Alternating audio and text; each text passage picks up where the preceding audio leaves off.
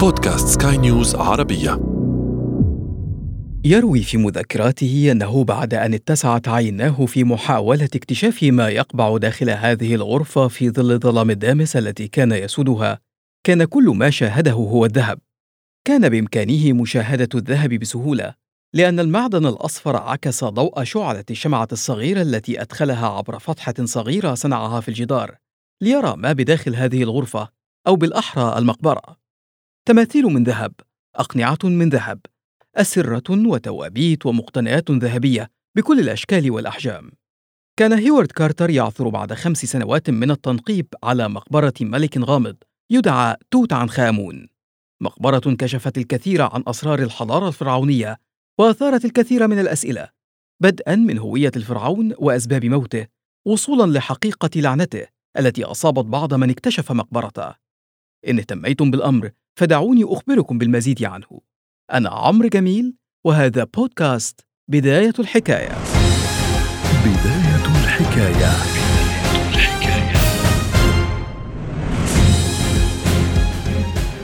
في القرن الرابع عشر قبل الميلاد كانت مصر القديمة تشهد هزة سياسية ودينية عنيفة. تولى أمنحتب الرابع حكم مصر خلفا لوالده أمنحتب الثالث الذي حكم إمبراطورية تتسع من نهر الفرات شمالا. وصولا إلى كوش في جنوب السودان. وحظيت الدولة المصرية خلال عهده بثراء فاحش ونفوذ كبير. كان الجيش يحظى بدعم كبير للحفاظ على هذه الإمبراطورية وبنفوذ كبير في تسيير شؤونها. كما كانت معابد الآلهة تنتشر في طول البلاد وعرضها وتحظى هي الأخرى بمخصصات مالية ضخمة سواء من رأس السلطة أو مريديها بحسب أهمية كل إله وتأثيره في حياة الناس. وبعد نحو 38 عاما من الحكم توفي أمنحتب الثالث تاركا على العرش ابنه أمنحتب الرابع الذي جاء بفكر مغاير تماما عما اعتادته مصر القديمة. في الواقع كان أمنحتب الرابع ينسف معتقدات دينية راسخة لدى المصريين القدماء وينسف معها تركيبة سياسية واجتماعية ظلت قائمة على مدى قرون طويلة. كان أمنحتب الرابع يدعو إلى توحيد الآلهة وعبادة الإله آتون. كتب في إحدى صلواته خلقت الأرض برغبتك منفردا فيها الناس والأنعام وكل الحيوانات وبكل ما على الأرض وما يسير على أرجله وكل ما يطير بجناحيه في السماء. غير أمنحتب الرابع اسمه إلى أخناتون ما يعني الروح الحية لآتون؟ كان أخناتون يحدث زلزالا حتى فرعون لا يستطيع احتواءه دخل أخناتون في صراع مع الكهنة والجيش والنبلاء ونقل عاصمة حكمه من طيبة مقر عبادة آمون لعاصمة جديدة في منطقة تل العمرنة التي تقع في محافظة المنيا حاليا. وبعد سبعة عشر عاما من الحكم وبشكل مفاجئ اختفى إخناتون من على الساحة السياسية ليخلفه ابنه توت عنخ آتون لا نعرف كيف كانت نهاية إخناتون وإن كانت هناك نظريات مختلفة قد نرويها في حكاية أخرى. لكن الأكيد أن ابنه وجد أن الاستمرار في عبادة أتون ستفضي بالدولة إلى الانهيار وقرر التخلي عنها. عاد من عاصمة أبيه في تل العمرنة إلى العاصمة القديمة طيبة مغيرا اسمه من توت عنخ آتون أي الصورة الحية لآتون إلى توت عنخ آمون. تولى توت عنخ آمون الحكم وهو في التاسعة من عمره وفي ظل الاضطراب الذي ساد الإمبراطورية المصرية بعد فترة حكم إخناتون لم يكن للفرعون الصغير بصمة واضحة. فيما كانت الهيمنة أكثر لقادة الجيش وكهنة آمون. وبعد تسعة أعوام يزل الستار على حكم توت عنخ آمون وهو في الثامنة عشرة من عمره بدون تحقيق أي إنجازات لافتة. لكن وفاة توت عنخ آمون المفاجئة سببت صدمة في أوساط البلاط الملكي. لم يكن هناك من وريث للعرش كما أن توت عنخ آمون لم يكن قد أنهى بعد تجهيز مقبرته كما هو معتاد مع من سبقه من الفراعنة. وعند شعب حظيت عنده الحياة الأخرى بأهمية تزيد كثيرا عن حياته الدنيا وبقيت مقابره بأطول كثيرا مما بقيت قصوره ومنازله. كان منطقيا أن يشكل هذا الأمر أهمية قصوى. قرر القائمون على الأمر تجهيز مقبرة أحد أعضاء الأسرة الحاكمة ليدفن فيها الفرعون الصغير. تم تحنيطه ودفن ومعه احتياجاته في العالم الآخر كما كان يعتقد قدماء المصريين. دفن معه كرسيه ومهجعه وأوانيه وحليه التي كان يتزين بها. أقنعة ذهبية وصولجانات وعربة حربية وأسهم وأسلحة وتماثيل لخدم يخدمونه في العالم الآخر. أغلقت المقبرة وكتب على بابها تعاويذ تحميها وتلعن من يجرؤ على إعادة فتحها. في عام 1891 وهو في سن السابعة عشرة ترك الإنجليزي هوارد كارتر بريطانيا صوب مصر مأخوذا بدراسة حضارتها القديمة.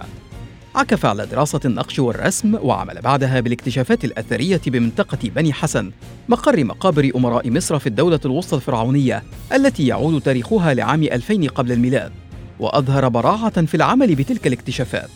نجح كارتر خلال عمله في اكتشاف آثار تعود للملكة الشهيرة حتشبسوت في مقبرة بالدير البحري بالأقصر في عام 1899 وخلال تلك السنوات اقتنع كارتر بوجود مقبرة فريدة لم يكشف عنها بعد في منطقة وادي الملوك بالأقصر التي دفن فيها ملوك الدولة المصرية الحديثة. لم يكن كارتر أول من يعتقد بذلك حيث دلت شواهد عدة على وجود تلك المقبرة الغامضة شواهد ذكرت اسم ملك لا يعرف عنه الكثير. ففي شتاء عام 1906 عثر المحامي والمغامر الأمريكي تيودور ديفيس خلال أعمال حفر في وادي الملوك على إناء من الفخار الملون يحمل اسم توت عنخ آمون. في أحد المخابئ على مسافة ليست بعيدة من الموضع الذي سيكتشف فيه كارتر لاحقا مقبرة الملك.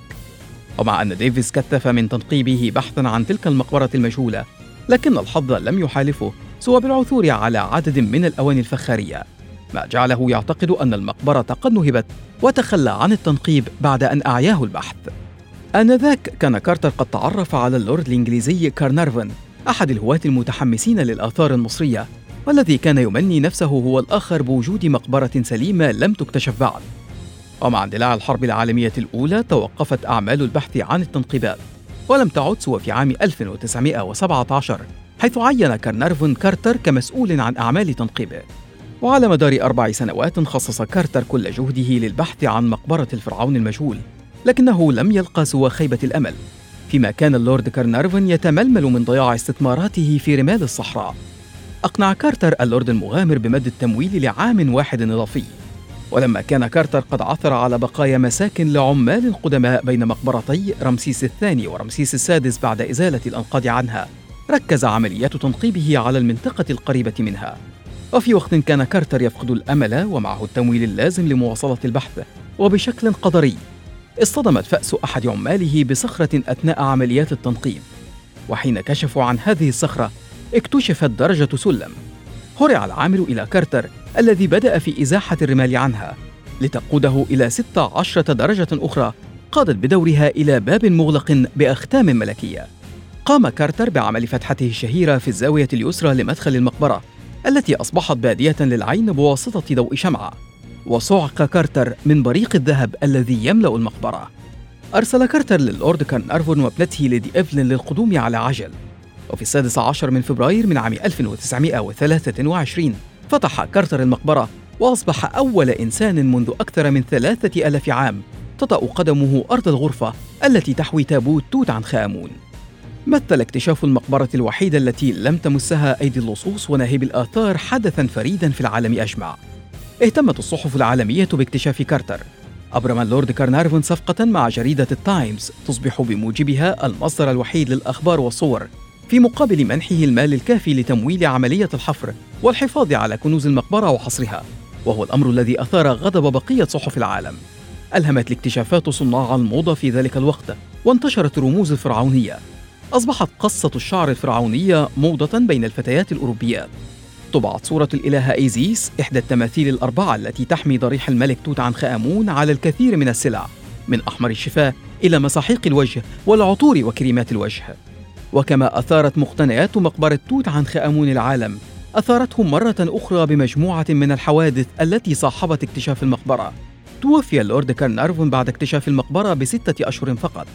كما توفي السير أرشبالد ريد الذي أجرى فحصا بالأشعة السينية على مومياء الملك في ظروف غامضة في عام 1924 مات آرثر ميس أحد أعضاء فريق كارتر جراء التسمم بالزرنيخ في عام 1928 ثم ريتشارد بيثيل سكرتير كارتر الذي يعتقد أنه مات مخنوقا في سريره بعدها بعام واحد.